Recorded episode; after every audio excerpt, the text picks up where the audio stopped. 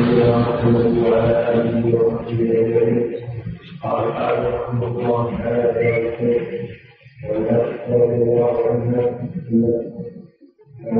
رضي الله عنها أن فاطمه بنت ابي قريش كانت تشتكى وقال النبي صلى الله عليه وسلم ان هذا الخير لو تستمر يعرف يعرف اذا كان الصيام فاشجع الصلاه واذا كان اخر فتوضا وصلي رواه ابو داود والنسائي واحمد احمد الاسلام والحاكم لقاء الله حسن وفي سبيل اختيار النبي في سبيل الرسل وفي سبيل اختيار الرسل عن ابي داود وكذلك المرسل فاذا راى صفه فوق الناس فلتستجب بحكم العقل حكما واحدا ولتستجب بفضله والكتاب حكما واحدا ولتستجب بفضله حكما واحدا ثم تتوضا بين ذلك وعن فاطمة بنت عن حمزة بنت نفسه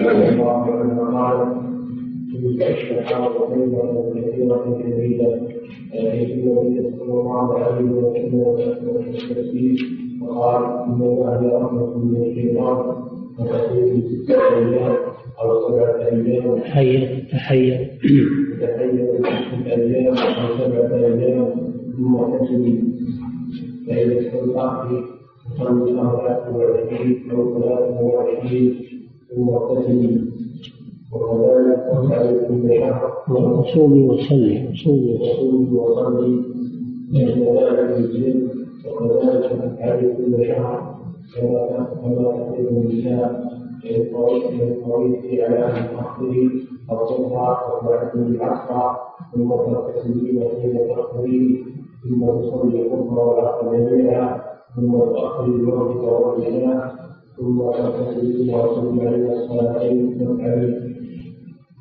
وتغتسلين مع الصبح وتغتسلين مع الصبح والتصلين قال وهو أعلم الأمر إليه رواه خمسة من النسائي وقد صح الترمذي وحسنه البخاري.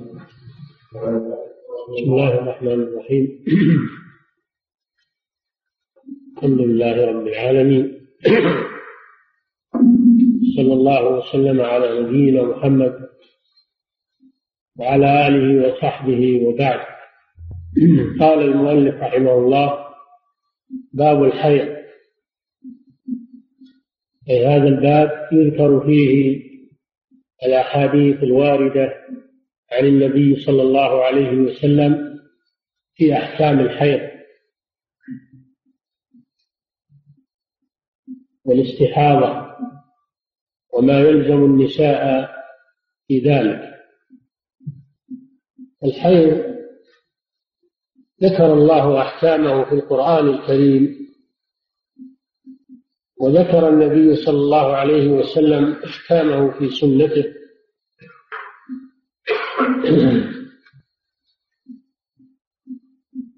فهو جدير بالعناية لأنه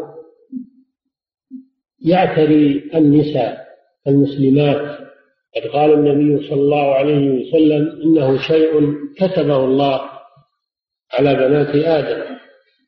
خلقه الله لحكمة وهو يعتري النساء المسلمات. قل من تسلم منه. وتحتاج إلى معرفة ما يلزمها من أمور دينها. حالة الحيض. فبين الله سبحانه وتعالى ذلك. في كتابه وبينه رسول الله صلى الله عليه وسلم في سنته وتدارسه العلماء من وقت الصحابة إلى وقتنا هذا وعقدوا له بابا في كتب العلم. لكن مع الأسف الآن فيه ناس من المثقفين والذين يزعمون الفهم والحرق وفقه الواقع يعيرون العلماء ويقولون إنهم علماء حيض ونفاس. وهذا يخشى عليهم فيه من الردة لأنهم تنقصوا حكما من أحكام الله. فإن الله سبحانه وتعالى أنزل أحكام الحيض أنزل أحكام الحيض على نبيه صلى الله عليه وسلم في قرآن يتلى. وكذلك النبي صلى الله عليه وسلم بين ذلك في سنته. الذي يستهزي بشيء من أحكام الدين وأحكام الكتاب والسنة يكون مرتدا إلا أن يكون له عذر بالجهل أو التأويل يدرأ عنه الردة وإلا فالأمر خطير جدا. لا يجوز أن يستهزأ بشيء من الأحكام الشرعية الثابتة في كتاب الله وسنة رسوله. والذي يدرس ذلك مأجور وله فخر. أما أن يستهزأ به وأن يتنقص الأمر خطير جدا وهذا سببه سببه الجهل المركب في بعض الناس وأيضا التعصب التعصب لما هم عليه من الخطأ. فإذا قيل لهم أنتم على خطأ تعصبوا وقالوا لا أنتم اللي على خطأ أنتم ما عندكم شغل إلا الحيض والنفاس. وأداة قضاء الحاجة وما عندكم شغل غير هذه تعصبهم لباطلهم هو الذي حملهم على الكلام هذا. فالواجب على من وقع في شيء من ذلك أن يتوب إلى الله عز وجل. أن يبادر بالتوبة. وإلا فالأمر خطير جدا. قال الله سبحانه وتعالى ذلك بأنهم كرهوا ما أنزل الله فأحبط أعمالهم. فمن كره شيئا مما أنزل الله فإنه يرتد ويحبط عمله كما في هذه الآية الكريمة. الواجب علينا أن نفكر وألا نتجاوز في الكلام. إذا أبغضنا شخصا أو أشخاصا أو صار بيننا وبين أشخاص نزاع يتطرق الأمر إلى أحكام الله ويستهزأ بها الأمر خطير جدا. إذا صار بيننا نزاع بين شخص أو بين أشخاص يكون هذا فيما بيننا أو نتصالح لأننا إخوة نتفاهم. أما أن يحملنا التعصب والحقد إلى أن نتناول أحكام الله ونستهزي بها ونعير من يتفقه فيها الأمر خطير جدا. واجب التنبه لهذا. مسألة لا هي مسألة تعصب لمذهب أو لحزب أو لجماعة؟ المسألة مسألة دين ومسألة عقيدة قبل كل شيء. فالحيض ذكر الله أحكامه في كتابه قال تعالى ويسألونك عن المحيض قل هو أذى. فاعتزلوا النساء في المحيض ولا تقربوهن حتى يطهرن. فإذا تطهرن فأتوهن من حيث أمركم الله. إن الله يحب التوابين ويحب المتطهرين. يسألونك الخطاب للرسول صلى الله عليه وسلم. يسأله المسلمون عن المحيض والمراد بالمحيض الحيض أي عن أحكامه وما يلزم فيه. قل هو أذى هذا الجواب. قل هو أذى. هذه الإجابة من الله سبحانه وتعالى. هذا يعني قذارة ونجاسة. الحيض قذارة ونجاسة. ثم أمر سبحانه وتعالى باعتزال الحائض. تعتزل النساء في المحيض. والمراد ترك جماعها في الفرج ترك جماع الحائض في الفرج وقت الحيض. اعتزلوا يعني يتركوا جماع النساء في الفروج وقت الحيض. ثم قال جل وعلا ولا تقربوهن حتى يطهرن هذا تأكيد من الله سبحانه وتعالى أنه لا يجوز جماع الحائض. حتى تطهر من الحيض. وتغتسل أيضا. فإذا تطهرن فاتوهن من حيث أمركم الله. اعتزلوا النساء في المحيض ولا تقربوهن. والمحيض المراد به في اللفظة الثانية مكان خروج الحيض وهو الفرج. فلا يجوز مجامعة المرأة في فرجها وهي حائض.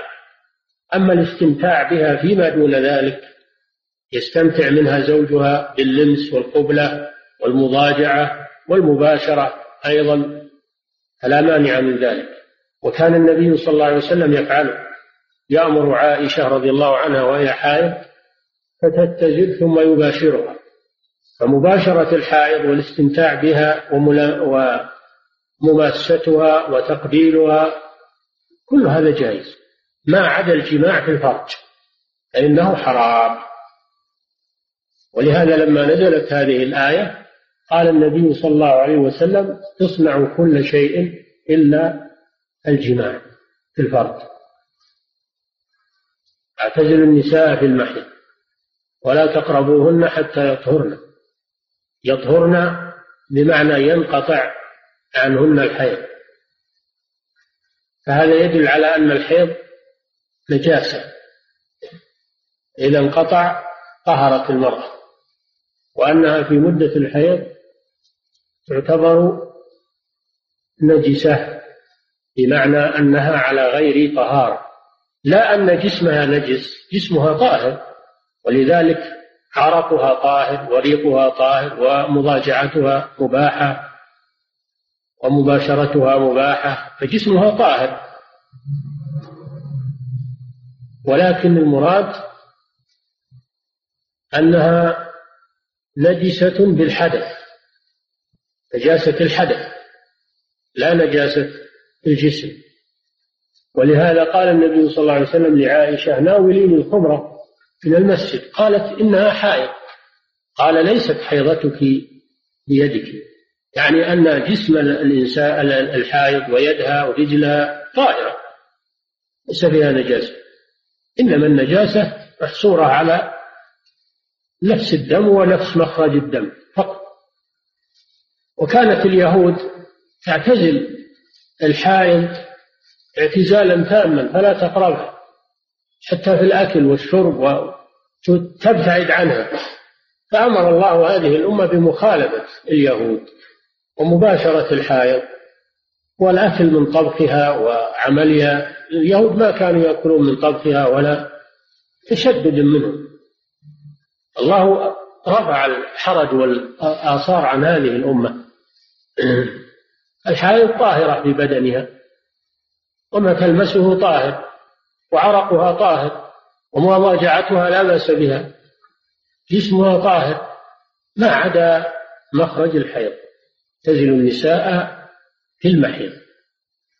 ولا تقربوهن حتى يطهرن يعني بالجماع فإذا تطهرن يعني بالاغتسال فأتوهن من حيث أمركم الله. فذكر للحائض حالتين. الحالة الأولى لا يجوز جماعها لا باغتسال ولا بغيره وهي حالة الحيض. لو اغتسلت في حالة الحيض ما جاز جماعها. الحالة الثانية إذا انقطع حيضها فإن جماعها جائز بشرط بشرط الاغتسال. جماعها جائز بشرط الاغتسال. فإذا تطهرن فأتوهن من حيث أمركم الله. إن الله يحب التوابين ويحب المتطهرين. وهذا مذهب جمهور أهل العلم بل حكاه بعض العلماء إجماعا أن الحائض إذا انقطع دمها لا يجوز جماعها إلا بعد أن تغتسل لأن الله علق جواز الجماع بأمرين. أولا انقطاع الدم وثانيا التطهر بأمرين حتى يطهرن هذا الأمر الأول. فإذا تطهرن هذا الأمر الثاني. وذهب الإمام أبو حنيفة إلى جواز جماعها إذا انقطع الدم. ولو لم تغتسل وهذا لا شك أنه مذهب مرجوح. مذهب مرجوح يخالف ظاهر الآية وهي قوله تعالى فإذا تطهرنا. والحيض لغة السيلان. اللغة الحيض هو السيلان. يقال حاض الوادي إذا سال. أما الحيض شرعا فهو دم طبيعة وجبلة يخرج من المرأة في أيام معلومة خلقه الله سبحانه وتعالى لحكمة غذاء الولد في بطنها.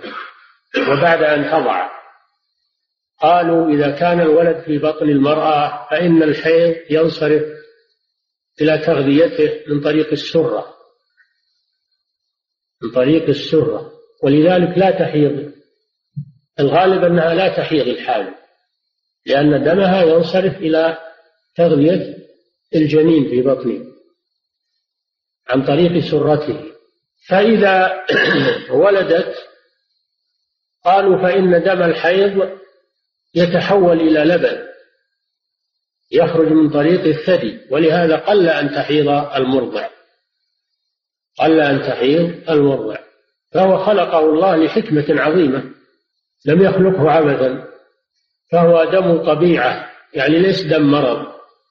دم طبيعة يعني, يعني يخرج من غير مرض.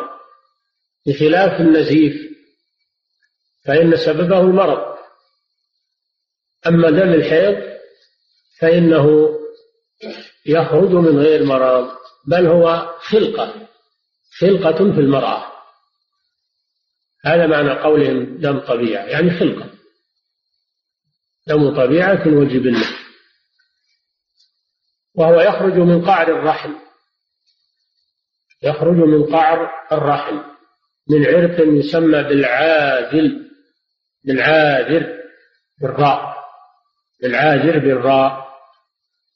عرق ينفتح ويخرج منه الحيض. ثم إذا تمت مدته انسد انقطع الحيض. وأما الاستحاضة فإنها دم مرض وتخرج من أدنى الرحم كما يأتي من عرق يسمى بالعاذل باللام العاذل باللام وهو نزيف وله أسباب.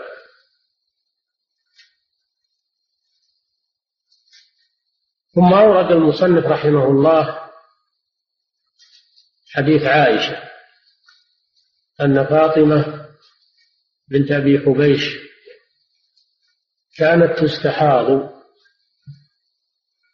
تستحاض يعني يخرج منها الدم في غير أوقاته. يخرج منها الدم في غير أوقاته. فأتت النبي صلى الله عليه وسلم تسأله ماذا تفعل؟ في هذا الدم الذي يخرج في غير أوقاته. هل هي تكون مثل الحائض؟ تستمر على أحكام الحيض تدع الصلاة والصيام والجماع أو أنها لها حكم آخر؟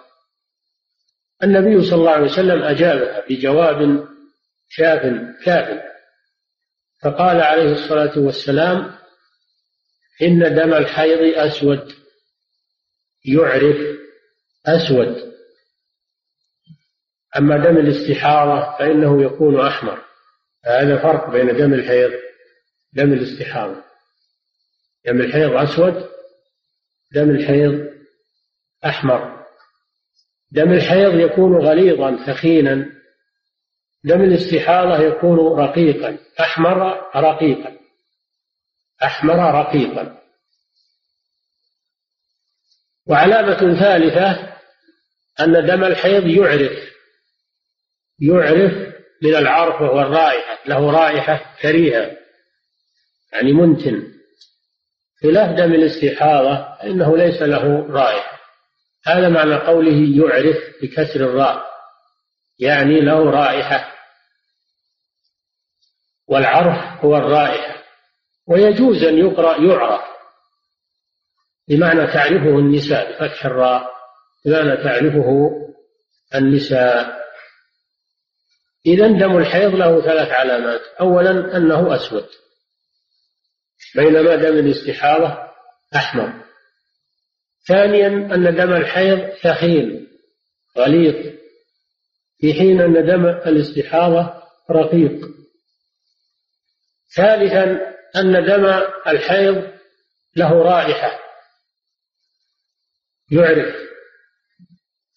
بخلاف دم الاستحاضة ليس له رائحة النبي صلى الله عليه وسلم أعطاها العلامة التي بها تعرف الحيض. قال إن دم الحيض أسود يعرف. فإذا كان ذلك فدع الصلاة. إذا كان هذا الدم الأسود فدع الصلاة لأنه حيض. وإذا كان الآخر وهو الذي ليس أسود ولا يعرف وهو الاستحاضة فاغتسلي فتوضئي وصلي توضئي فتوضئي وصلي. فهذا الحديث أفاد أن أفاد الفرق بين دم الحيض ودم الاستحاضة الفرق في الحقيقة والفرق في الحكم. الفرق في الحقيقة أن هذا أسود يعرف ودم الاستحاضة ليس كذلك. والفرق في الحكم أن الحائض لا تصلي وأن المستحاضة تصلي. ثم قال وعن وفي حديث أسماء بنت عميس رضي الله عنها. أسماء بنت عميس صحابية جليلة هاجرت الهجرتين وكانت زوجة لجعفر بن أبي طالب وأم أولاده هاجرت معه إلى الحبشة ثم استشهد جعفر في وقعة مؤتة رضي الله تعالى عنه. فتزوجها أمير المؤمنين عثمان بن عفان رضي الله عنه. ثم آه لما قتل عثمان تزوجها علي بن أبي طالب فأنجبت له محمدا محمد آه لا أنا غلطت. استغفر الله. آه لما لما استشهد جعفر رضي الله عنه تزوجها بعده أبو بكر الصديق. أبو بكر الصديق. فأنجبت له محمد بن أبي بكر. ثم لما توفي أبو بكر الصديق رضي الله تعالى عنه تزوجها أمير المؤمنين علي بن أبي طالب فأنجبت له يحيى يحيى بن علي بن أبي طالب. واستشهد علي رضي الله عنه وهي في ذمته. ولذلك يقال لها زوجة الشهداء. زوجة الشهداء. استشهد عنها جعفر ثم تزوجها أبو بكر ثم تزوجها علي بن أبي طالب رضي الله عن الجميع. قال تجلس في مركن تجلس يعني المستحارة تجلس في مركن والمركن هو الإناء الذي تغسل به الثياب. المركن بكسر الميم هو الإناء الذي تغسل به الثياب. تجلس في مركن يعني وتصب عليها ماء. فإذا رأت سفرة فوق الماء يعني تختبر نفسها. المستحارة تختبر نفسها. فتجلس في هذا الإناء الواسع ثم تصب الماء على نفسها. فإذا رأت سفرة فوق الماء فإنها تغتسل. للظهر والعصر غسلا واحدا ثم تغتسل للمغرب والعشاء غسلا واحدا ثم تغتسل للفجر غسلا واحدا.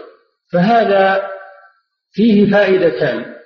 اولا كيف تعرف؟ بيان كيف تعرف المستحاضة نهاية الحيض. وذلك بأن تجلس في المركن وتصب عليها الماء وتختبر نفسها. وفي الحديث الأول أنها تنظر في الدم الأسود وغير الأسود. هذه فائدة. الفائدة الثانية في الحديث الأول أمرها بالوضوء فقط ولكن هذا الحديث أضاف إلى الوضوء الاغتسال أنها تغتسل اليوم والليلة ثلاث مرات. اغتسال واحد للظهر والعصر واغتسال واحد للمغرب والعشاء واغتسال ثالث للفجر. ثم وضح في حديث آه، حمنة حديث حمنة بنت جحش. قالت كنت أستحاض حيضة كثيرة شديدة. فأتيت النبي صلى الله عليه وسلم أستفتيه حمل بنات جحش ثلاث. بنات جحش ثلاث. الأولى زينب بنت جحش زوج النبي صلى الله عليه وسلم أم المؤمنين. الثانية أم حبيبة بنت جحش أم حبيبة بنت جحش. وكانت زوجة لطلحة بن عبيد الله رضي الله عنه. والثالثة حملة بنت جحش وهي زوجة أبي طلحة. قالوا وكلهن يستحضن. كل الثلاث الأخوات أصابتهن الاستحاضة. فجاءت حملة إلى رسول الله صلى الله عليه وسلم لما كثر عليها الدم وأشكل عليها جاءت تستفتي النبي صلى الله عليه وسلم. يعني تسأله. تستفتيه يعني تسأله. وهكذا كان نساء الصحابة. كن يسألن عن أمور دينهن ولا يمنعهن الحياء من السؤال عن أمور الدين. وذلك لحرصهن على أداء الواجب وبراءة الذمة والعمل بطاعة الله سبحانه وتعالى وليس هذا من العيب. الرسول يفتي في الحيض ولا يقال الرسول عالم من علماء الحيض والنفاس. ما ما أحد يقول هذا أحد كفر. الرسول يفتي في الحيض عليه الصلاة والسلام ويبين أحكامه. فقال صلى الله عليه وسلم إنما إنها ركضه من الشيطان. إن ذلك ركضه من الشيطان. أي الاستحاضة. الاستحاضة ركضة من الشيطان. والركضة معناه الضرب بالرجل على الأرض. الركض الركض ضرب الأرض بالرجل. اركض برجلك يقول الله لأيوب عليه السلام اركض برجلك هذا مغتسل بارد وشراب. فالركض معناه ضرب الأرض بالرجل حال العدو أو في غير حال العدو. إذا ضرب الأرض برجله يقال ركضها. ومعنى قوله صلى الله عليه وسلم هنا ركضة من الشيطان. للعلماء تفسير تفسيران لهذه اللفظة التفسير الأول معناه أن الشيطان يتسلط على المرأة يتسلط على المرأة في وجود هذا الدم فيوسوس لها ويشدد الأمر عليها ويلقي عليها الإشكالات يريد أن يغمها بذلك ويحزنها. فهو يتخذ هذا المرض سبيلا لمضايقة المسلمات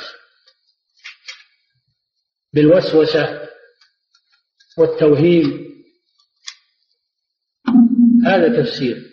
التفسير الثاني لأن الرسول صلى الله عليه وسلم قال في حديث آخر إنما ذلك عرق يعني نزيف. وفي هذا الحديث يقول رقبة من الشيطان. فكيف نجمع بين التفسيرين من الرسول صلى الله عليه وسلم؟ قالوا نعم الشيطان لعنه الله يحرك هذا العرق. الشيطان يحرك هذا العرق فينفجر. فهو عرق والذي يحركه ويركضه هو الشيطان من أجل أن يشوش على المسلمة. فالاستحاضة سببها أيضا من عمل الشيطان. وإن كانت وإن كان مصدرها هذا العرق لكن الذي يحركه ويسببه هو الشيطان. لأن الشيطان يجري من ابن آدم مجرى الدم ويصيب الإنسان بالأذى إذا لم يتحصن منه بالذكر والاستعاذة فإن الشيطان يلابسه ويدخل في جسمه ويؤذيه ويصيبه بالأذى. ولا يحصن ابن آدم من الشيطان إلا ذكر الله سبحانه وتعالى. فلا منافاة بين كون الرسول صلى الله عليه وسلم علل ذلك بأنه عرق وبين تعليله له بأنه ركضة من الشيطان فهو عرق يركضه الشيطان يعني يحركه ثم ينزف وينفجر. أو أن المراد أن الشيطان يستغل هذا الدم ويوسوس للمرأة. كلا المعنيين صحيح. إن ذلك ركضة من الشيطان. فتحيضي في علم في تحيضي ستة أيام أو سبعة أيام. تحيضي يعني اجلسي ودعي الصلاة والصيام. تعتبري نفسك حائضا. هذا معنى تحيض. اعتبري نفسك حائضا. مدة ستة أيام أو سبعة أيام. لأن هذا غالب الحيض عند النساء. غالب الحيض أن المرأة تحيض ستة أيام أو سبعة أيام من كل شهر وما يسمى بالدورة الشهرية. ثم اغتسلي يعني إذا تمت الستة أو السبعة فاغتسلي. اعتبري أن الحيض قد انتهى. لكن قوله صلى الله عليه وسلم ستة أيام أو سبعة أيام هل هو من باب الشك؟ أو التنويع. لا من باب التنويع. من باب التنويع. لأن النساء بعضهن يحيض ستة أيام وبعضهن يحيض سبعة أيام من كل شهر. فهو من باب التنويع. وكل امرأة تتبع عادة نسائها. كل امرأة تتبع عادة نسائها وقريباتها. ثم اغتسلي. هذا فيه ان الحائض تغتسل. إذا تم تمت عادتها تغتسل كما في القرآن فإذا تطهرنا ثم ثم اغتسلي. وصلي.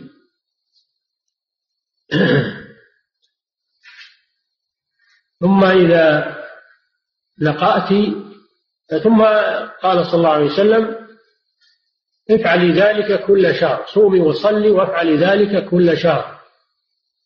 يعني في المستقبل في المستقبل كل شهر يعني كل شهر هلالي. كل شهر هلالي لأن السنة 12 شهرا. وكل شهر الغالب أن النساء أن كل امرأة الغالب أنها تحيض في كل شهر مرة. هذا هو الغالب على النساء. فلذلك كل شهر. كما تحيض النساء يعني عادة النساء كذا. إن المرأة تحيض كل شهر هلالي مرة. ستة أيام أو سبعة أيام. قال صلى الله عليه وسلم صلي أربعة وعشرين أو ثلاثة وعشرين. أربعة وعشرين إن تحيضت ستة أيام. ليس كذلك؟ إذا أخذت ستة أيام من ثلاثين كم يبدأ؟ أربعة وعشرين. أو أو ثلاثة وعشرين إن تحيضت في سبعة أيام. شيء واضح. قوله ستة أيام أو سبعة أيام هذا بحسب عادة المرأة. إن كانت ستة أيام يبقى لها أربعة وعشرين. إن كانت سبعة أيام يبقى لها من الشهر ثلاثة وعشرين. افعل ذلك كل شهر كما تحيض النساء أحالها صلى الله عليه وسلم على عادة النساء الغالبة بينما أحالها في الحديث في الحديثين الأولين الحديث الأول أحالها إلى لون الدم أليس كذلك؟ وفي الحديث الثاني أحالها أيضا إلى لون الدم. قال إذا رأيت صفرة؟ صفرة يعني ما هو ثقيل إذا صار صفرة تحول من الثقيل إلى إلى الصفرة الحديث الثاني موضح للحديث الأول. حديث أسماء بنت عميس موضح لحديث فاطمة بنت أبي حبيش. وفي هذا الحديث أحالها على غالب الحيض. عند النساء ستة أيام أو سبعة أيام. ثم قال صلى الله عليه وسلم ثم إن قدرت على أن تؤخر الظهر وتعجل العصر ثم تغتسلين عندما تطهرين وتجمعي بين الصلاتين وتؤخري المغرب وتعجل العشاء ثم تغتسلين وتجمعين بين الصلاتين ثم تغتسلين للفجر. تفعلي ثم قال صلى الله عليه وسلم وذلك أعجب الأمرين إلي. إيش الأمرين؟ الأمران والله أعلم. الأمر الأول الاقتصار على الوضوء بدون اغتسال. والأمر الثاني الجمع بين الوضوء والاغتسال لكل صلاة. هذا قال النبي صلى الله عليه وسلم هو أعجب الأمرين. الجمع بين الوضوء والاغتسال أعجب إليه صلى الله عليه وسلم من الاقتصار على الوضوء لكل صلاة. وقيل إن لفظة أعجب الأمرين أن هذا من كلام الراوي من كلام من كلام حمله لا من كلام الرسول صلى الله عليه وسلم ولكن الظاهر الأول. وعلى كل حال المراد بالأمرين الاقتصار على الوضوء لكل صلاة أو الجمع بين الوضوء والاغتسال. هذه الأحاديث يستفاد منها أحكام. يستفاد منها أحكام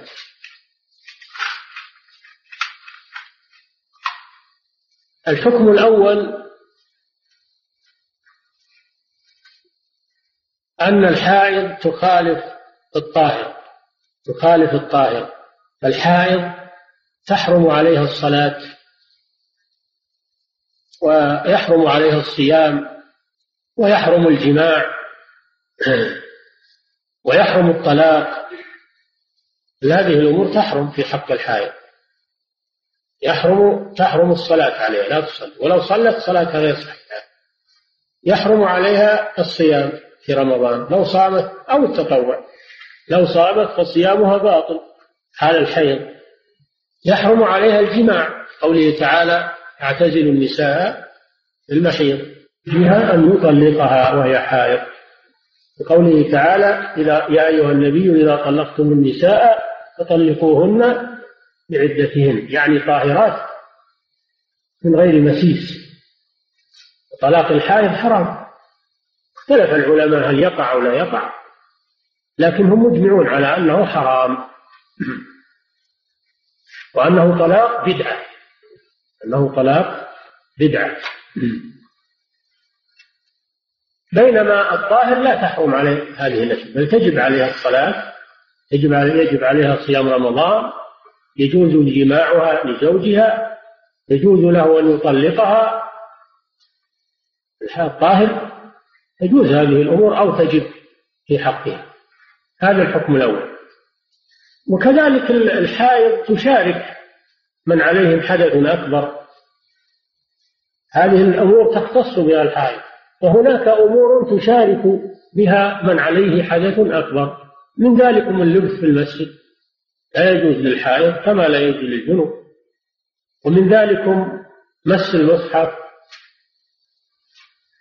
ومن ذلكم قراءة القرآن على خلاف بين العلماء في ذلك.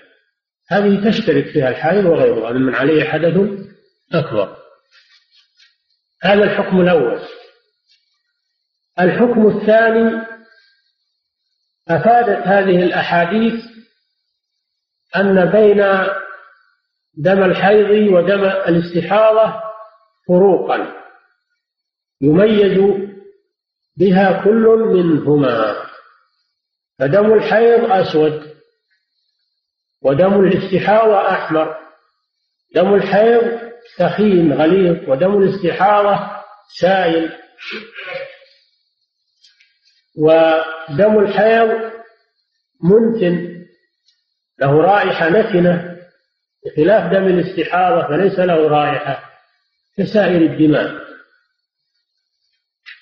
هذا مما يعرف به دم الحيض من دم الاستحاضة.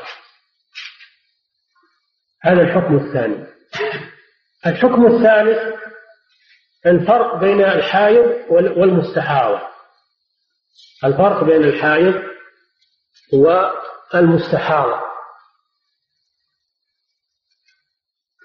في أن الحائض تحرم في حقها الأحكام السابقة.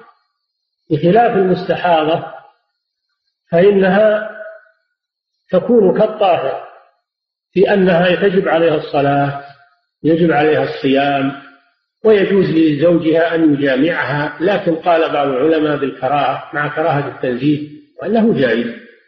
مستحاضة يجوز جماعها. ففيه فرق بين الحائض وبين المستحاضة. الحكم الرابع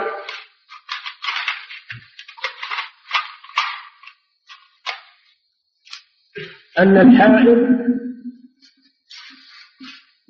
يجب عليها الوضوء أن المستحاضة الحكم الرابع أن المستحاضة يجب عليها الوضوء لكل صلاة لأنها حدثها دائم مثل من به سلس البول. تماما حدثها دائم فيجب عليها الوضوء لكل صلاة. وقد أرشدها النبي صلى الله عليه وسلم إلى أنها تستنجي وتتلجم تتلجم بمعنى أنها تضع شيء على فرجها من القطن أو غيره يمنع خروج الدم ثم تتوضأ وتصلي. هذا عند كل عند كل صلاة. لأن حكمها حكم من به سلس البول. حدثها دائم فإذا فعلت هذا استنجت وتلجمت وتوضأت فإن صلاتها صحيحة ولو نزل عليها الدم في أثناء الصلاة. لقوله تعالى فاتقوا الله ما استطعتم. كما أن الذي فيه سلس البول. إذا توضأ عند الصلاة وصلى صلاته صحيحة ولو نزل عليه البول في أثناء الصلاة. لأنه لا يستطيع أكثر من ذلك. الحكم الخامس الحكم الخامس أن كل من الحائض والمستحاضة يجب عليهما الاغتسال عند نهاية الحيض. يجب عليهما الاغتسال عند نهاية الحيض لرفع الحدث الأكبر. هذا واجب على الثنتين. وهذا محل إجماع لأنه لا يرتفع الحدث الأكبر عنها إلا بالاغتسال سواء كانت حائضا أو مستحاضة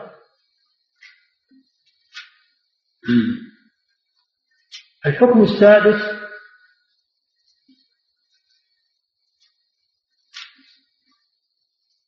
أن المستحاضة هل يجب عليها أن تغتسل لكل صلاة؟ الأحاديث ظاهرها يدل على أنها تغتسل لكل صلاة. هذا ظاهر الأحاديث التي مرت معنا. وقد اختلف العلماء في هذه المسألة على ثلاثة أقوال. القول الأول يلزمها الاغتسال لكل صلاة لأن النبي صلى الله عليه وسلم أمرها بذلك. ولكنه أباح لها أن تختصر الأغسال. أباح لها أن تختصر الأغسال إلى ثلاثة في اليوم والليلة.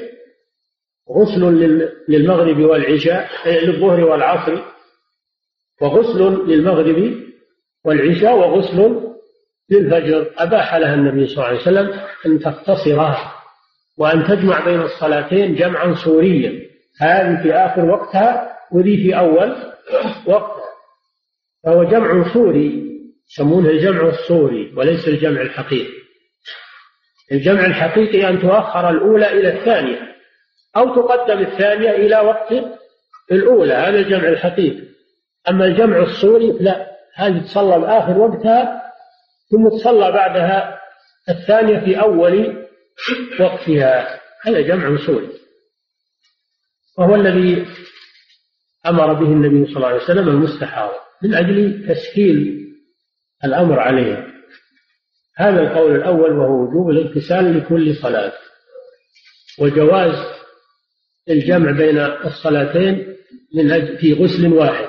جمع بين الصلاتين في غسل واحد.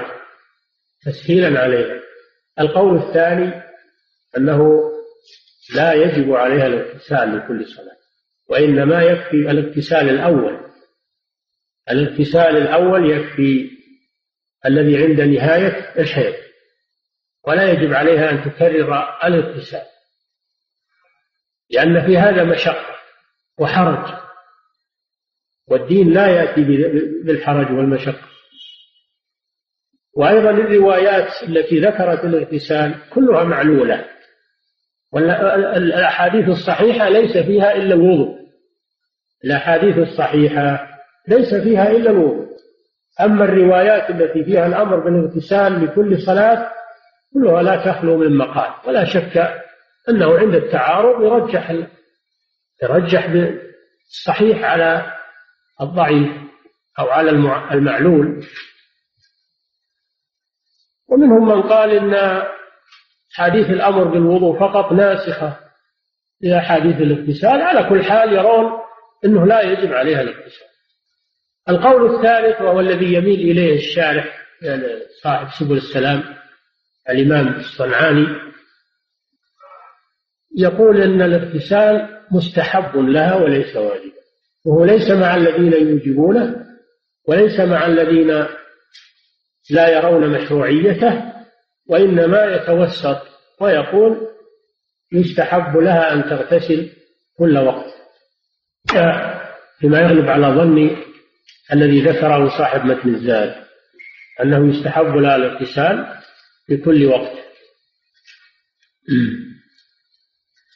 ولكن الرأي الثاني أرجح وهو عدم مشروعية الاغتسال لكل صلاة. لا استحبابا ولا وجوبا لأن هذا شيء فيه حرج عليها ومشقة عليها ولم تصح به الأدلة. لو صحت ما لنا كلام لكن ما دامت ما صحت وفيه حرج الله جل وعلا يقول وما جعل عليكم الدين من حرج. ومنهم من يقول إن أسماء أو أن أن حملة كانت هي التي تغتسل باجتهاد منها. لم يأمرها النبي صلى الله عليه وسلم بذلك. فالذي في الحديث إنما هو باجتهادها هي ليس بأمر النبي صلى الله عليه وسلم. على كل حال الرأي الراجح والله أعلم. عدم مشروعية الاغتسال لها لكل صلاة لا استحبابا ولا وجوبا لأن في ذلك مشقة عليها ولعدم صحة الروايات في ذلك. والحمد لله الدين يسر. المسألة السابعة في الأحاديث أن النبي صلى الله عليه وسلم أحال المستحاضة إلى ثلاث علامات. العلامة الأولى العادة. إذا كان لها عادة قبل أن تصاب إذا كان لها عادة قبل أن تصاب بالاستحاضة فإنها ترجع إليها. قوله صلى الله عليه وسلم قدر اجلسي قدر ما كانت تحبسك حيضتك. أحالها على عادتها التي كانت مستقرة لها قبل الإصابة قدر ما كانت تحبسك حيضتك العادة هي العلامة الأولى ما دامت معروفة ومنضبطة عند المرأة. تتمسك بها. وتكون حائضا في في خلالها وإذا تمت تعتبر طاهرا. تغتسل وتصلي. هذه العلامة الأولى. العلامة الثانية التمييز بين دم الحيض ودم الاستحاضة لأن دم الحيض أسود يعرف فتجلس مدة هذا النوع من الدم الذي هو أسود ويعرف. ما دام أنه أسود يعرف فيه تجلس. إذا تغير لونه فإنها تغتسل وتصلي. وتعرف ذلك بأن تجلس في مكان وتصب على نفسها ماء فإذا طفى على الماء صفرة معناه أن أن الدم تغير. لأنه لو كان ما تغير طفى عليه سواد. أليس كذلك؟ أي نعم. هذا من ناحية. والناحية الثانية الرائحة. الرائحة. رائحة الحيض ما تخفى واضح. أسود يعرف. هذا ما يسمونه بالتمييز. تمييز بين الدمين. تمييز يعني الفرق. الفرق بين الدمين. العلامة الثالثة التي ترجع إليها إذا ما كان لها عادة وليس لها تمييز الدم كله واحد ما في تمييز. وليس لها عادة متقررة فماذا تعمل؟ ترجع إلى غالب الحيض في كل شهر. ستة أيام أو سبعة أيام كما تحيض النساء. أظن هذا واضح هذا الذي ذكر هذا الذي جاء في الأحاديث. هذه العلامات الثلاث. أولا العادة المتقررة لها قبل أن تصاب في هذا المرض. ترجع إليها. الثاني إذا لم يكن لها عادة ترجع إلى لون الدم ورائحة الدم. فتعتبر علامات الحيض حيضا وما زاد عليها يعتبر استحاضة.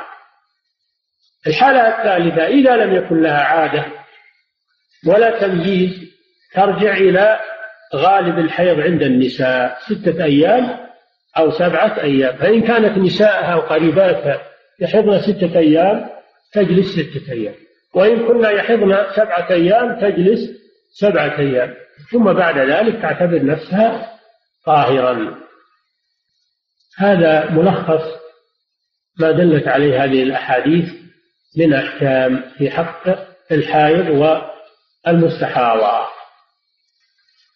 ولا شك أن أن الحيض والاستحاضة فيها إشكالات عظيمة. والنساء الآن يكثر عندنا الاضطرابات تغير الدم وتقطع الدم عليهن بسبب الأدوية وبسبب المآكل والمشارب التي اختلفت وبسبب الأمراض التي حدثت وبسبب الراحة أيضا وعدم الحركة حصل عندهم اضطرابات عظيمة وإشكالات.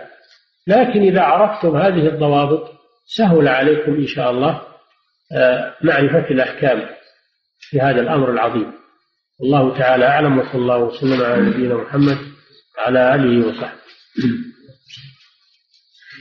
الحمد لله رب العالمين صلى الله وسلم على نبينا محمد وعلى اله وصحبه اجمعين إلى الحديث ذكرتم حفظكم الله جواز الاستمتاع من هذا السؤال الحكم اذا خرج منه الجميع وهل يفهم انه يجوز ان يفعل ان يفعل كل شيء من الجماع ولو ادى ذلك إلى خروج المني؟ نعم لا بأس إذا خرج منه المني من غير جماع في الفرج لا نعم يغتسل يصير عليه جنابه ويغتسل. يجوز إنه إنه جامعها في غير الفرج ويمني أيضا نعم قد يكون بعض الناس عنده قوة وعنده شهوة يحتاج إلى هذا التفريغ. ما في مانع أباح الله ذلك. نعم. نعم. هل يستفاد من حديث حمله بن رضي الله عنها أن المرأة إذا لم تعمل التمييز الصالح لأن التمييز كما الحياة من الاستحاضة من الشروط المعروفة فإنها تعتد بغالب نسائها أن لا أرجو بسماحتكم توليد ذلك لأن ذلك يحصل عليه. هذا واضح قلنا إذا في مراحل المرحلة الأولى أنها تعتبر عادتها الخاصة بها قبل أن تصاب بهذا المرض المرحلة الثانية إذا لم يكن لها عادة تعتبر لون الدم. فما كان يحمل علامات الحيض تعتبره حيضا. وما كان لا يحمل علامات الحيض تعتبره استحاضة. المرحلة الثالثة وهي الأخيرة إذا لم يكن لها عادة ولا تمييز ترجع إلى غالب عادة النساء غالب عادة النساء. وغالب عادة النساء إما ستة أيام أو سبعة أيام من كل شهر. نعم هذا واضح. نعم. ستة أيام وسبعة أيام في أول الشهر أو تختار ما شاء نعم. ستة أيام وسبعة أيام في أول الشهر أو تختار أي أيام ما شاء الأيام يشترط تكون في أول الشهر الأيام حسب عادة النساء حسب عادة قريباتها إن كان قريباتها يحضن في أول الشهر أو في وسط الشهر أو في آخر الشهر تعتبر عادة قريباتها نعم. نعم. فضيلة الشيخ إذا ما رجل وعليه دين فهل يشهد بالله وإذا لم يكن فهل إيش؟ فهل يشهد بالله وإذا لم يكن هناك من يسدد هذا الدين؟ الدفن لابد منه. ما يخلى الإنسان على ظهر الأرض جيفة على ظهر الأرض. لابد من الدفن. ولكن كان النبي صلى الله عليه وسلم في أول الأمر إذا قدم له الميت يسأل هل عليه دين. فإن كان عليه دين تأخر ولم يصلي عليه وأمر الصحابة أن يصلوا عليه. لأنه صلى الله عليه وسلم صلاته شفاعة. صلاته شفاعة للذي يصلي عليه. والدين لا تسقطه الشفاعة. الدين حق المخلوق لا تسقطه الشفاعة. كان صلى الله عليه وسلم يتأخر. فلما وسع الله على النبي صلى الله عليه وسلم وكان عنده شيء من المال بسبب الفيء والغنائم جعل صلى الله عليه وسلم يتحمل الدين عن الميت ويصلي عليه. يتحمله من بيت المال ويصلي ويصلي عليه.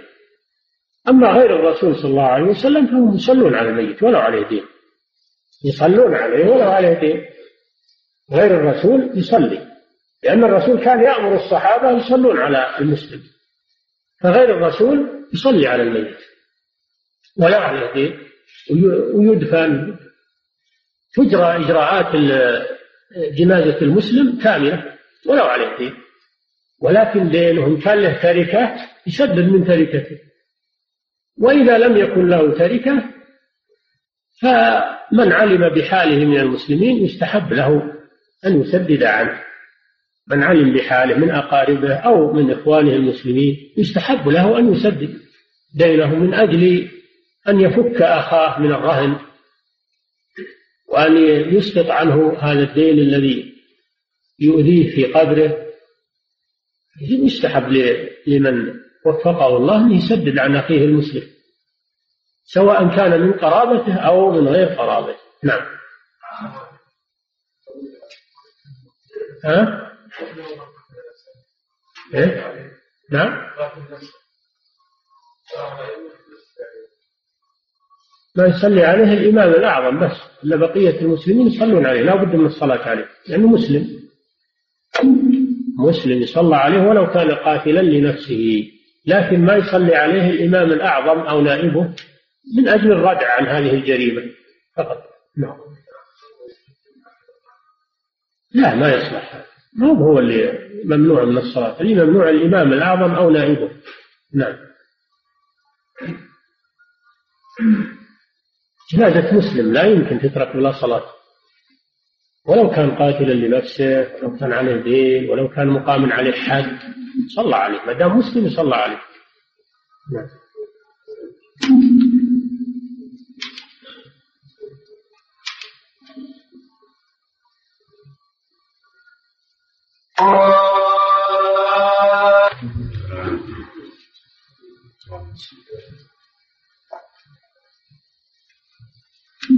تنبيه وهو عندي سفر بكرة إن شاء الله فمعناه ما في درس ليلة الأربعاء ما في درس للفقه.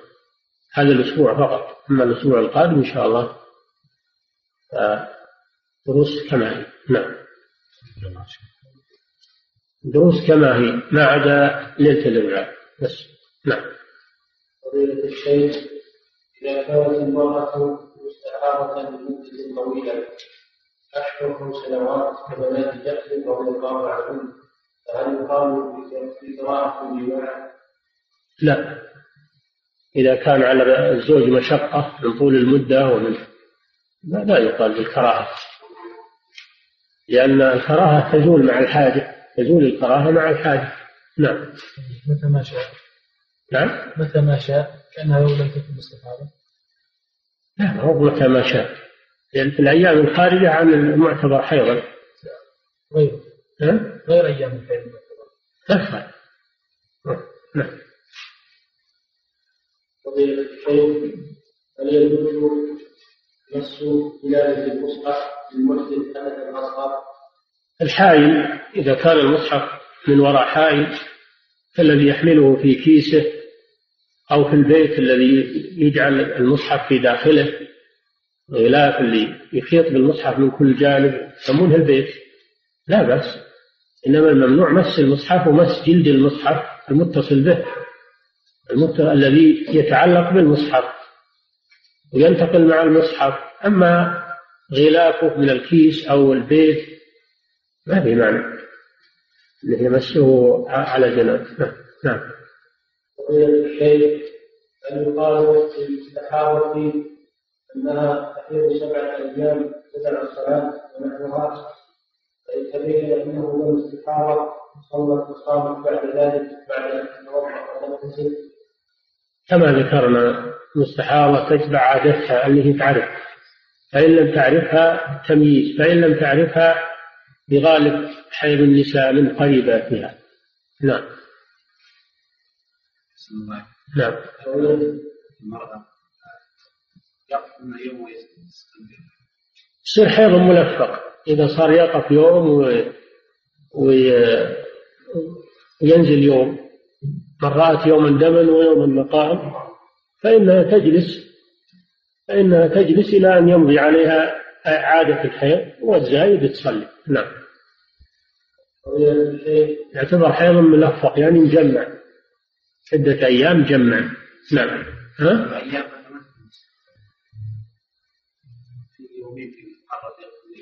إلى ما تحصل. تجلس لما تحصل سبعة أيام. نعم. الشيخ الدم رأت يوم دم ويوم نقاء يقولون النقاء طهر صلي في الطهر هذا. والدم إلى منه مضت عليه جماعة سبعة أيام منه تصلي حتى ولو كان في دم نعم.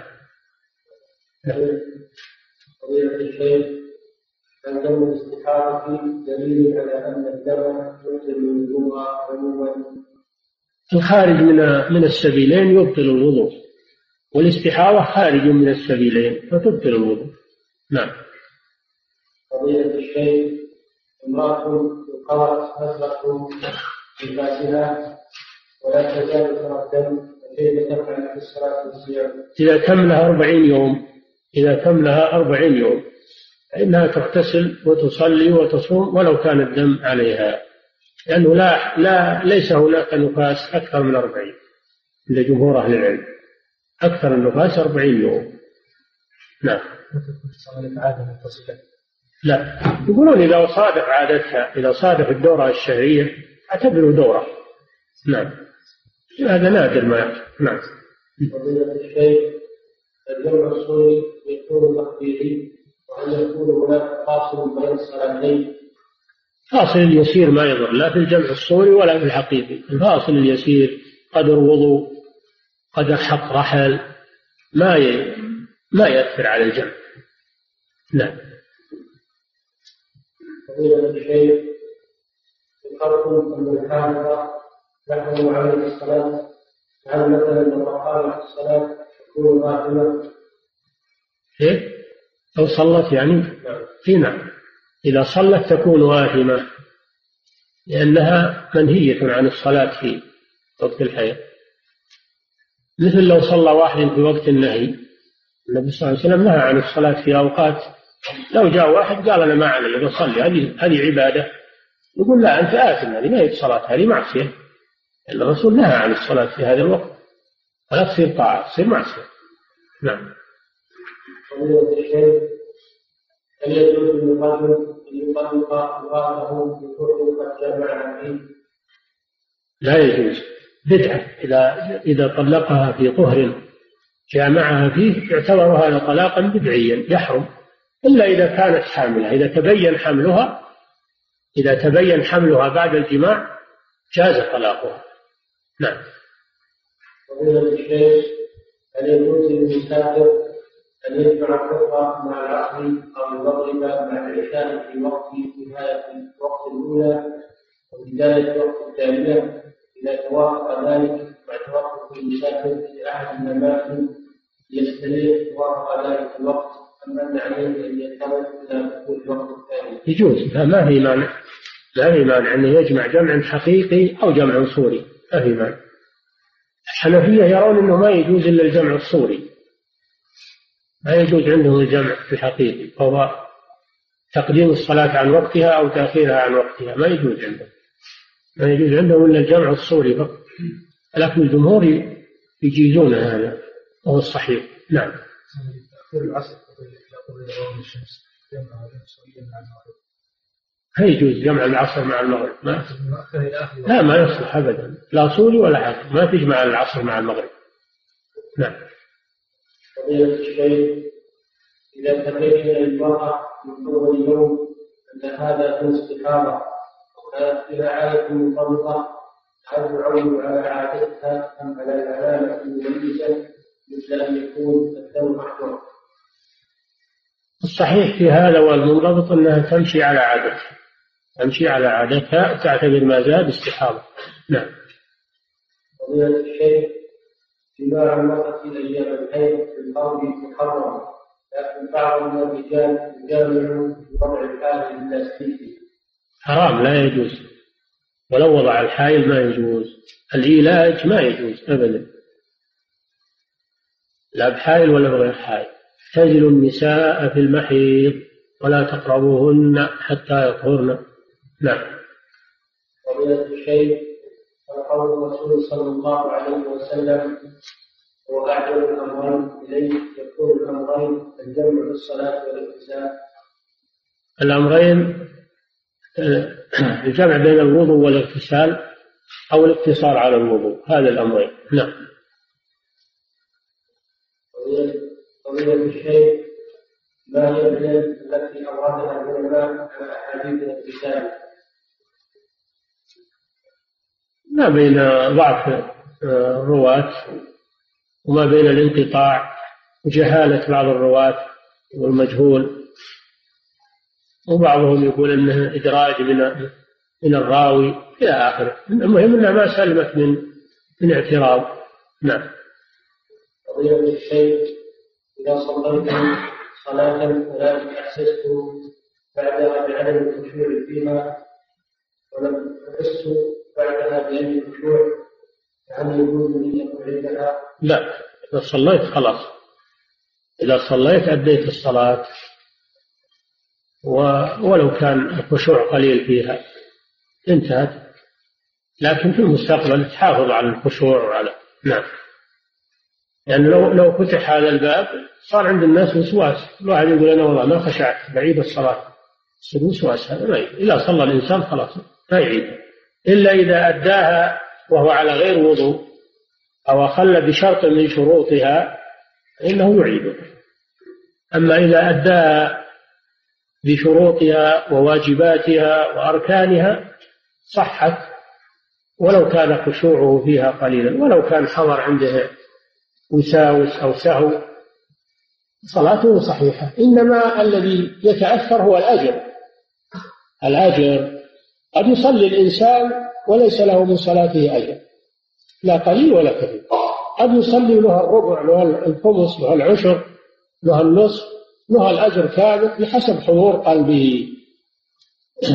فإنما التفاوت في الأجر. أما الصلاة إذا أديت بشروطها وواجباتها وأركانها فإنها لا تعاد ولو لم يخشع فيها.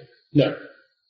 فضيلة الشيخ بعض النساء يتوقف عندهن دم الحيض بعد ستة أيام أو سبعة أيام توقفا تاما ولكنهن لا يصلين وبعد خمسة أيام تخرج قصة بيضاء وبعدها تصلي وتصوم هل فعلها صحيح أم لا؟ لا ما هو صحيح. ما دام إنها رأت نقاء تاما نقاء تاما ولا يخرج منها شيء.